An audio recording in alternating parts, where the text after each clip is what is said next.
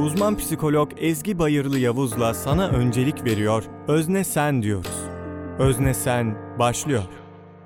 Merhabalar Özne Sen dinleyicileri. Dördüncü bölümümüzle sizlerle birlikteyiz. Ezgi, hoş geldin. Hoş buldum. Merhabalar yeniden. Nasılsın, iyi misin? İyiyim, teşekkür ederim. Sen nasılsın? Ben de çok iyiyim, teşekkür ederim. Dördüncü bölüme geldik. Evet. Güzel bence, gidiyor. Bence de, bence de.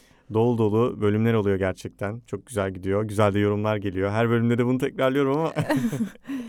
evet bu bölümde yine çok önemli bir konuyu konuşacağız. Bugün ilişkilerde bağlanma stillerini konuşacağız değil mi? Öyle diyebiliriz. Evet diyebiliriz. Hı hı. Çocukluktan başlayıp bebeklikten başlayacağız aslında. Biraz bağlanma stillerinin nasıl oluştuğundan bahsedeceğiz. Sonra acaba ilişkilerimizde romantik ilişki kurarken bizim davranışlarımızı nasıl etkilediğine bakıyor olacağız. Şimdi ben senden kısa bir giriş yapmanı isteyeyim yine. Hani bu bağlanma Hı. stilleri nelerdir, bunun türleri nelerdir onları tanımlayarak başla istersen. Zaten benim sorularım var. Sen programdan önce bana biraz bahsettiğinde benim de çok ilgimi çeken konular oldu. Onlar üzerine de konuşuruz zaten. Hı hı. Evet şimdi seni dinliyoruz. O zaman önce bağlanmayı tanımlayarak başlayalım bence. Bağlanma ne demek? Bağlanma aslında bebekle, bebeğe bakım veren kişi. Bu anne olabilir, işte ebeveynlerden herhangi biri olabilir. Bazen ebeveynlerden biri hayatta olmayabiliyor. İşte anneanne, babaanne bakabiliyor. Ya da belki de aynı cinsiyetteki kişilerin evlenmesi sonucunda da hani anne ya da baba değil cinsiyet de belirtmeksizin bebeğe bakım veren kişi diyoruz. Bunu da böyle kısaltmış olalım. Bakım veren bunları Hı hı. kapsıyor arkadaşlar. Bebekte bakım veren arasında oluşan bağ kastediliyor aslında. Bebeğin kendisini duygusal anlamda güvende hissetmesini sağlayan güçlü duygusal bir bağ demek bağlanma. Bu kuram aslında 1969 yılında John Bowlby tarafından ortaya atılmış bir kuram ve bu kurama göre de insanlar değer verdikleri insanlarla kuvvetli duygusal bağlar geliştirirler. Aslında bu kuramı ölçmek için ya yani bir şekilde hani tanımlayabilmek için de şöyle bir deney yapıyorlar. Yabancı durumu diye Türkçe'ye çevrilmiş sanırım. Öyle bir deney var. O deneyde de şunu yapıyorlar aslında. Bebek ve anneyi bir odaya alıyorlar. Oda oyuncak dolu bir oda ve orada bebeğin tepkileri kayıt altında oluyor. Bebek çevresini keşfetmeye başlıyor. Oyuncaklarla oynayabiliyor. Yanında ona bakım veren kişi var. Belli bir süre sonra bir yabancı giriyor odaya. Ve bu yabancı kişinin girmesi sonrasında çocuğun verdiği tepkiler de izlenmeye başlıyor. Önce yabancı bakım veren kişiyle iletişim kuruyor. Daha sonra bakım veren odadan ayrılıyor. Odadan ayrıldıktan sonra bebeğin verdiği tepkiler, nasıl ona göre aslında bağlanma stilleri neler ona karar vermiş oluyorlar. Gözlemliyorlar ve benzerlik bebeklerin davranışları arasında benzerlikler buluyorlar. Ve buna göre de bir kategorilendirme yapıyorlar. Kimi bebek annesi geldikten sonra rahatlayıp kendini güvende hissedip yabancıyla odadaki diğer bir yabancıyla çok rahat ilişki kurabilirken bazı bebekler ise anne döndükten sonra yine sakinleşemiyorlar. Anneye zarar verici davranışlar sergileyebiliyorlar ya da anneyi hiç umursamayabiliyorlar. Yabancıyla yeniden iletişim kurmayabiliyorlar. Bunlar üzerinden bir kategorilendirme yapılmış dediğim gibi. Hı hı. Burada aslında ana iki kategorimiz var. Biri güvenli bağlanma, biri de güvensiz bağlanma. Ee, daha ayrıntılı bir şekilde bahsetmeye başlayacağım. Ondan önce ben bir soru sormak istiyorum. Tabii Şimdi ki. bu bebek dediğimizde e, ne kadar bir bebekten bahsediyoruz? Yani bu bir yaşına iki yaşına gelmiş daha büyük bir bebekten mi bahsediyoruz yoksa Hı hı. Daha küçük bir bebekten bahsediyoruz? Benim aklıma bu soru geldi. Bağlanma aslında bayağı doğumdan sonrasından itibaren başlayan bir şey ve e, bu deneyde genelde işte 12-18 aylık bebeklerle yapılmış bir çalışma. Ama elbette ki bağlanma dediğimiz şey bir yerde belli bir dönemde biten bir şey de olmuyor. Belli bir döneme kadar belki daha farklıdır. Bir dönemden sonra değişiyor da olabilir. Hı hı. Ama bunu kastederken, bebekliği kastederken daha erken bayağı bebeklik dönemi hani konuşamayan ya da işte Doğumdan agulayan vesaire. Evet. Aslında başlıyor Aha. bu süreç. Evet. Ama tabii bu yapılan çalışma haliyle bir yaşını geçmiş olan Aha. bebeklerle yapılmış. Evet yani. evet ya, dediğim gibi öncesinde başlamış oluyor ve devam etmiş oluyor aslında. evet. Peki Hı hı. bu deneyde aslında ne ölçülmek isteniyor? Yani burada bebek mi test ediliyor yoksa anne baba ya da bakım veren mi test ediliyor? Bakalım doğru bir bağlanma şekline ulaşmış mı bebek diye. Nasıl bir şey var burada? Ya bu aslında bir keşif olduğu için yani Hı hı. bir kuram ortaya atıyorsunuz öyle düşünelim. Dolayısıyla e, bir deney yapılıyor ve burada bebeklerin davranışları aslında inceleniyor. E tabii ki bu davranışlar nereden etkileniyor? Bakım verenlerin bebeklere olan davranışlarından yola çıkarak aslında belli olan şeyler. Yani orada aslında bir ebeveyni test etme gibi bir amacımız olmuyor. Sadece bu kur, buna kuram diyebilmek için bebeklerin davranışlarının gözlemlenmesi şeklinde söyleyebiliriz bence. Anladım. Güvenli ve güvensiz bağlanmadan bahsettin. Evet. E, bunların tabii kendi iç içlerinde de e, dağlanıp budaklanıyorlar. Güvenli bağlanma nedir? Güvensiz bağlanma nedir? Öncelikle bebek kendi olumsuz duygularına duyarlılık gösterildiğini hissederse, ihtiyaçlarının karşılandığını ya da olumsuz duyguları deneyimlerken bir başkası o bağlanmayı gerçekleştirdiği bakım veren kişi tarafından sakinleştirildiğini, desteklendiğini hissederse güvenli bağlanma geliştiriyor aslında. Bunun aksi olduğunda da güvensiz bağlanma oluyor. Yani şöyle düşünelim. Bebeğin her karnı acıktığında, işte ne bileyim altın temizlenmesi gerektiğinde bir şekilde bebek kendini ağlayarak ifade ediyor. Ve oradan da ebeveynler ya da işte bakım veren kişi çocuğun ihtiyacını anlamaya çalışıyor ve onu karşılamaya çalışıyor. Ya da işte ağladığında onu sakinleştirmek için karşısına geçiyor. Geçti diyebilir, yanındayım diyebilir. Onu sakinleştirecek şeyler yapıyor ve bu tutarlı bir şekilde devam ediyor. Dolayısıyla bebeğin dış dünyaya baktığında ya dış dünyadan aslında iletişim kurduğu, bağ kurduğu tek ve ilk kişi anne ya da işte bakım veren kişi olduğu için başka ilişkilere bakış açısı da buradan şekillenmiş oluyor. Bakım veren bebeğe bu şekilde ihtiyaçlarını karşılayacak doğrultuda davranıyorsa bebek başka insanların da güvenilir olduğunu düşünüyor aslında. Ve başkalarıyla ilişki kurarken kaygılanmasına gerek kalmadığını hissediyor. İşte o bahsettiğim deneyde de Öncelikle en güvendiği kişi tabii ki bakım vereni oluyor. Ama o bakım veren odadan çıktıktan sonra bir huzursuzluk oluyor. Bu çok normal. Daha sonra odadaki o diğer yabancı kişi onu sakinleştirmeye çalıştığında sakinleşiyor ve onunla oyun oynamaya devam ediyor. Arada yine huzursuz olabiliyor tabii ki bakım verenini hatırladığında. Ama sonrasında bakım veren içeri girdiğinde hemen ona koşup sarılıp sakinleştirmesine izin veriyor bakım vereninin. Ve o şekilde de bakım veren kişiye karşı da herhangi bir e, olumsuz bir şey sergilemiyor. Yeniden sakinleşip odadaki yabancıyla oynamaya devam edebiliyor. Oyuncaklarıyla oynamaya devam edebiliyor. Bu aslında güvenli bağlanan çocukta gördüğümüz özellikler bu şekilde oluyor. Güvenli bağlanmadan bahsettin. Evet. Şimdi bir de güvensiz bağlanma var. Güvensiz bağlanma aslında çok alt çeşitleri var güvensiz bağlanmanın ve maalesef kaynaktan kaynağa da ya da araştırmacıdan araştırmacıya da alt türleri değişiyor. Öyle bir durum var. Aslında hemen hemen aynı şeyi söylemeye çalışıyorlar ama şu an söylediğim isimlerin başka benzerlerini duyabilirsiniz. Hani siz de araştırmak isterseniz. Onu önceden belirtmiş olayım. Şimdi güvensiz bağlanmanın alt tiplerinden bir tanesi kaçınan bebek.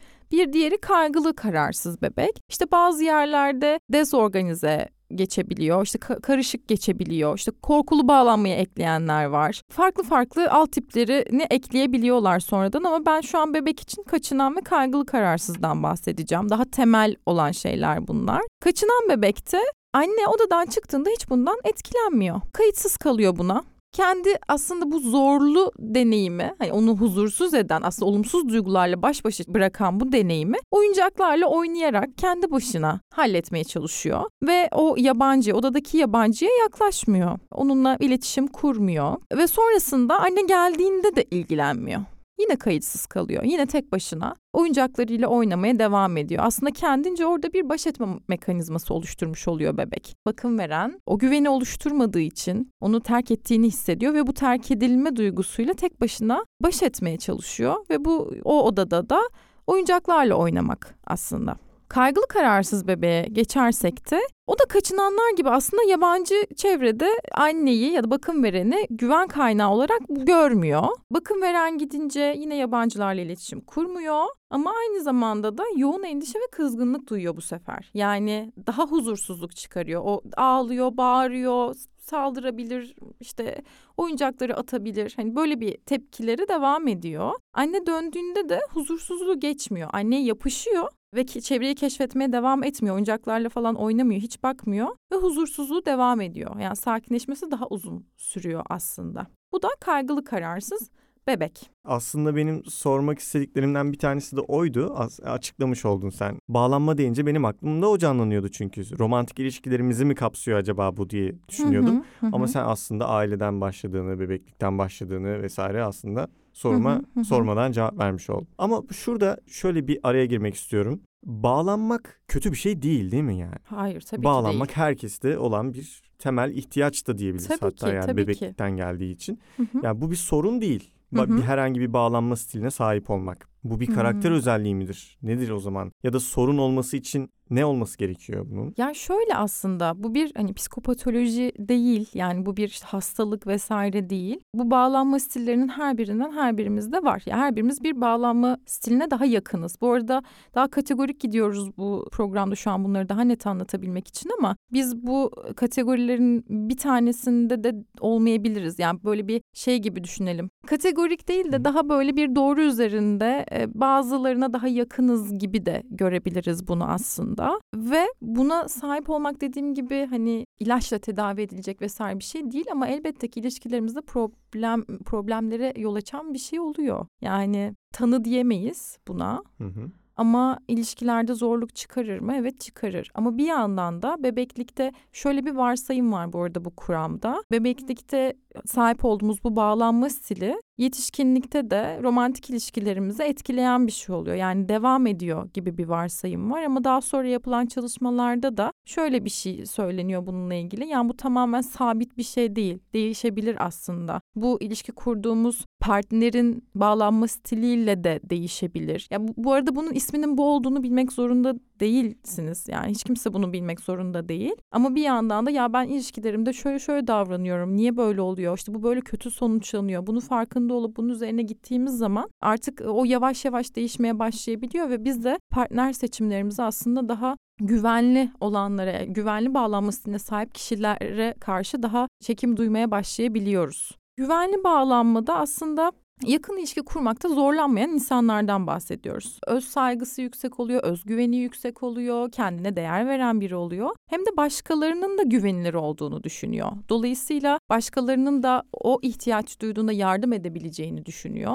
Böyle olduğu için de ilişki kurmakta zorluk çekmiyor. Ya da işte ilişki kurduğu kişi daha önemli bir yerde olabiliyor onun için. Sorunlarını konuşabiliyor, çözüm odaklı olabiliyor. Aynı zamanda işte terk edilme korkusu yaşamıyor pek fazla olumlu bir kendilik görüşü var ve başkalarını da aslında olumlu olarak görüyor. Bir de kaygılı kararsız var. Bu bazı yerlerde saplantılı olarak da geçebiliyor. Burada aslında hem kendini olumsuz görüyor hem de başkalarını olumsuz görüyor. Yani şu şekilde yakın ilişki kurmaktan rahatsız hissediyor kendini. E, ilişkiyi devam ettirmek istemiyor. Sevilmediğini düşünüyor. Duygusal iniş çıkışlar yaşıyor. Kıskanmaya meyilli olabiliyor. Sevilmeye layık değilim, özgüvenim düşük ya da işte başkalarının onayına ihtiyaç duyuyorum gibi şeyler söyleyebiliyorlar. Kaygı düzeyleri daha yüksek oluyor ama kaçınmaları daha düşük oluyor. Yani şöyle bir şey hayal edelim. İlişki içerisindeyken sürekli bir terk edilme korkusu yaşayan, yeterince sevilmediğini, ilgi görmediğini düşünen ama bir yandan da başkasının onayına ihtiyaç duyduğu için de karşı tarafı muhtemelen kendinden daha üste gören, onu kaybetmemek için daha da işte kıskançlıklara başvuran böyle bir ilişkilenme hali aslında. Kaygılı kararsız e, bağlanma stiline sahip olan bireylerin ilişki kurma biçimi genelde bu şekilde oluyor. Kaçınan bağlanmadaysa şöyle bir şey oluyor. Bu sefer bunu hatırlıyorsanız bebeklikte bakım veren geldiğinde ve gittiğinde hiç şey olmuyordu. Tepki yani hiç vermiyordu. tepki Hı hı. vermiyordu. Evet daha kayıtsız kalıyordu.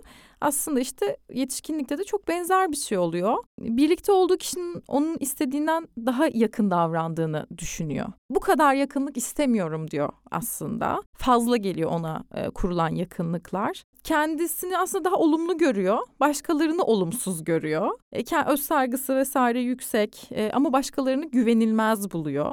Daha özerk olmaya eğilimli. Özerk olmak onun için çok önemli. Zaten başkalarına- bebekliğinde bile karşılaştığı sorunla alakalı kendi başına Aynen baş öyle. etmeye çalışan bir karakterdi. Evet, evet kesinlikle. Hı hı. Başkalarının da ihtiyaç duymadığını hissediyor. Çünkü Hı hı. bunu bebekken bir şekilde öğrenmiş dediğin gibi. Burada da e, kaygı düşük. Yani kaybetme kaygısı yok, işte terk edilme kaygısı yok. Terk etmeye daha meyilli çünkü. Kaçınması çok yüksek. Yani sürekli olarak ya bu kişiler ilişkilerini çok uzun süre yürütebilen kişiler olmuyor. Daha kısa süreli ilişkiler kuran tipler oluyor. Korkulu bağlanmaysa aslında burada da hem kendisini olumsuz görüyor hem de başkalarını olumsuz görüyor. Ve bu yüzden de kaygısı çok fazla, kaçınması da çok fazla. Yani orada daha karışık bir durum var aslında. Hem kendini değersiz görüyor, başkaları güvenilmez ve reddedici diye düşünüyor. Sosyal alanlardan uzak durarak da reddedilme ihtimalini düşürmeye çalışıyor. Ya bunu şöyle görüyoruz çok ilişkilerde yine. Kişi karşı taraftan hoşlandığını ya da işte ona karşı bir şeyler hissettiğini anladığı anda uzaklaşmaya başlıyor. Ya her şey çok güzel giderken birden ilişkide bir bakıyorsunuz ki karşı taraf kendini çekmiş. Niçin çekiyor aslında? Terk edilmekten korktuğu için. Hem kendine güvenmiyor bir ilişki ilişkide bulunma konusunda. Çünkü kendini o kadar değerli görmüyor. Yapabileceğini düşünmüyor. Hem de bir başkası tarafından tercih edilebileceğini de düşünmüyor. Orada da bir kaçınma hali söz konusu. Karşı taraf ona zarar verir diye de korkuyor bir yandan. Yani hem kaygısı yüksek hem kaçınması yüksek. E peki bu durum böyle sürekli devam ediyor mu yoksa bunu değiştirmek mümkün mü? İşte mümkün aslında. Yani hani şöyle kesinlikle bebeklikte kurduğumuz o bağlanma stilinin yetişkinliğimize etki ettiğini söyleyebiliriz. Yani hiç etkisi yok dememiz yanlış evet. olur. Ama bu değişmeyen, hep sabit kalan bir şey de değil neyse ki. Yani bu iyi haber. Romantik ilişki kurduğumuz kişiyle kurduğumuz bağ aslında o bebeklikte kurduğumuz bağla biraz benzeşiyor. Yani biz biriyle iletişim kurduğumuzda o kişinin bizim ihtiyaçlarımızı karşıladığını düşünüyorsak, duygusal olarak kendimizi kötü hissettiğimizde karşı tarafla bunu paylaşıp desteğini görebiliyorsak orada bir güvenli bağlanma da oluşabilir yeniden aslında. Ya da karşı taraf işte güvenli bağlanma stiline sahiptir. Böyle olduğunda da biz de yavaş yavaş güvenli bağlanmaya başlarız. Çünkü bakarız ki o kişi hep orada. Yani o, o, o kişiden aslında korkmamıza ya terk edilmekten korkmamıza gerek yok. Ya karşı taraf bize aslında desteklemeye çalışıyor. Orada var olmaya devam ediyor. Böyle durumlarda aslında bu değişiyor. Ha bir de tabii ki ilişkiler hakkında düşünmeye başladığımızda kendi davranışlarımızı niçin yaptığımızı, ilişki içerisindeki davranışları, neler hissettiğimize baktığımızda yavaş yavaş bilinçli olarak değil ama bilinçsiz yaptığımız tercihler daha böyle güvenli bağlanma stiline sahip olan kişilere karşı çekim duymaya başlayabiliyoruz aslında. Hı hı. Yani bu değişebilen bir şey. Amacımız güvenli bağlanmaya ulaşabilmek mi? Evet, Hı-hı. evet, evet aslında öyle. Peki şöyle bir şey var. Şimdi biz çocuklardan bahsediyoruz. Hani çocuklardaki süreçten bahsettik ama çocuklardaki süreci yaratanlar da konuştuğumuz gibi bakım verenler. Hı hı, evet. Bu çocuklar da ileride birer bakım veren olacaklar. Bizler de birer evet. bakım veren olacağız. Peki bakım verenler olarak, geleceğin bakım verenleri olarak çocuğu güvenli bağlanma stiline yönlendirebilmek için nasıl davranmamız, neler yapmamız lazım? Ya aslında doğalında olabilen şeyler de bunlar ama yani mesela bir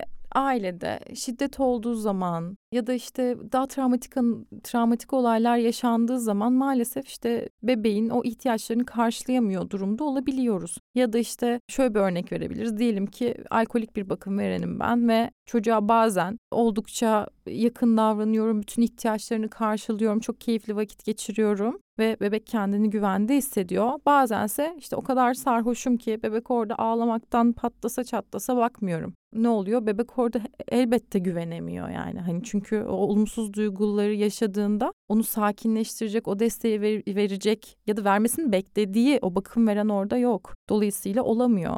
O yüzden e, aslında yapmamız gereken tek şey hakikaten bebeğin ihtiyaçlarını karşılayabiliyor olmamız. O zor duygular yaşadığında onun yanında oluyor olmamız ya da ne ihtiyacı olduğunu anlayabilmemiz gibi. Başka bir şey yok aslında. Yani böyle çok çok zor ve çok işte aşırı çaba göstermemiz gereken bir şey değil. Tutarlı, yeterince iyi e, ebeveynler olduğumuz zaman çok da bir sorun yaşanmayacaktır aslında. Peki son olarak artık bu durumu böyle daha somut olarak aklımıza canlandırabilmemiz için verebileceğin bir örnek var mı? Ya aslında dizilerden, filmlerden çok örnek verilir bu konu anlatılırken de hı hı. bize okulda. Mesela kaçıngan bağlanma için ıssız adam örneği çok verilir. Hı hı.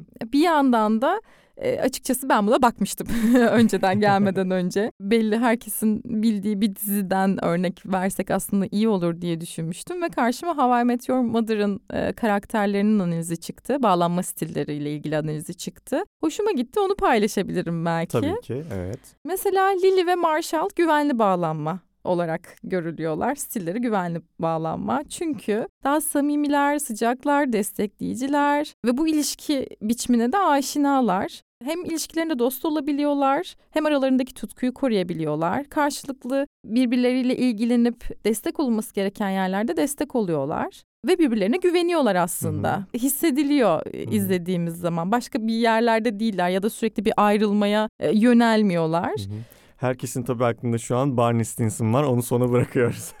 Peki. ee, çok o kadar bariz ki o da. o kadar açık ki. O zaman TED'e girebiliriz. Evet. TED kaygılı bağlanma stiline Hmm. sahip. Ee, çünkü çok çabuk bağlanıyor aslında. Hatırlarsanız kaygılı bağlanmada şey demiştik. Ee, başkaları daha olumlu, ben daha olumlu. Yani kendini daha olumsuz gören, başkalarını daha olumlu e, olarak gören e, ve başkalarının onayına ihtiyaç duyan bir yerdeler ve daha ayrılmaya değil de terk edilme korkusu yaşayan tipler oluyor. TED de çok çabuk birilerine bağlanabiliyor aslında. Evet. Ve böyle duygusal yakınlık açlığı yaşıyor bir yandan da. Ve böyle e, partnerlerinden işte onay almaya, karşılık almaya çalışıyor. Kendini güvence altında hissetmeye çalışıyor. Şey yazmışlar burada. Kaç kişi ilk buluşmadan sonra aşık olup yalnızca birkaç aydır birlikte olduğu bir kadın için ülke değiştirmeyi göz alabilecek kadar bağlanabilir ki demişler. Yani bu kaygılı bağlandığını gösteriyor aslında Evet. Bize. Ya bunlar tabii çoğu kişinin bildiği, aşina olduğu karakterler. Çok izlenen bir dizi Hı hı. olduğu için aslında bundan örnek vermek de güzel oluyor bence. Çünkü Hı hı. bir önceki bölümde de örnek olaylar üzerinden konuşmuştuk. Bu bölümde de çok bilinen bir dizi üzerinden konuşuyoruz. Evet, evet. Gayet iyi oluyor, evet. Aynı zamanda işte TED'den devam edecek olursak hep böyle yeterli hissetme ve terk edilme endişeleri yaşayan bir karakter aslında. Şimdi Robin'e geldik. Evet. Robin de az önce bu ismi hep her yerde farklı dediğimiz işte korkulu kaçınmacı denilebiliyor ya da dağınık bağlanma denilebiliyor. O stile sahip biri. Çünkü böyle sürekli böyle bir dargın bir barışık gidiyor Ted'le olan ilişkileri. Bunda da şey demiştik korkulu da hem geliyor bir bağlanma ihtiyacı var hem de korkuyor ve kaçıyor Geri uzak çekiliyor. duruyor Hı hı. gibi bir durum var. Ted'e karşı yoğun hisler beslerken bir yanda Barney ile beraber olmaya başlamıştı. Bir yandan sevme kapasitesi var evet ama ilişkide de bağlandığını hissettiğinde o ilişkiden uzaklaşıyordu ve böyle bir kararsız aslında halde duruyordu. Bir yandan da o duygusal olarak böyle çok yakın olmak onu çok korkutuyor, ürkütüyor ve ilişkiden kaçmasına neden oluyordu. Ve Barney'e gelebiliriz bence. Barney tabii ki ıssız adam, kaçıngan bağlanma. evet. Çünkü sürekli bir planlar yaparak ortadan kayboluyor. Yani Evet. sürekli birilerinin peşinde evet ama oradan ayrılmak için her şeyi yapıyor aslında. Hiç kimseyle uzun süreli bir ilişki kurmuyor.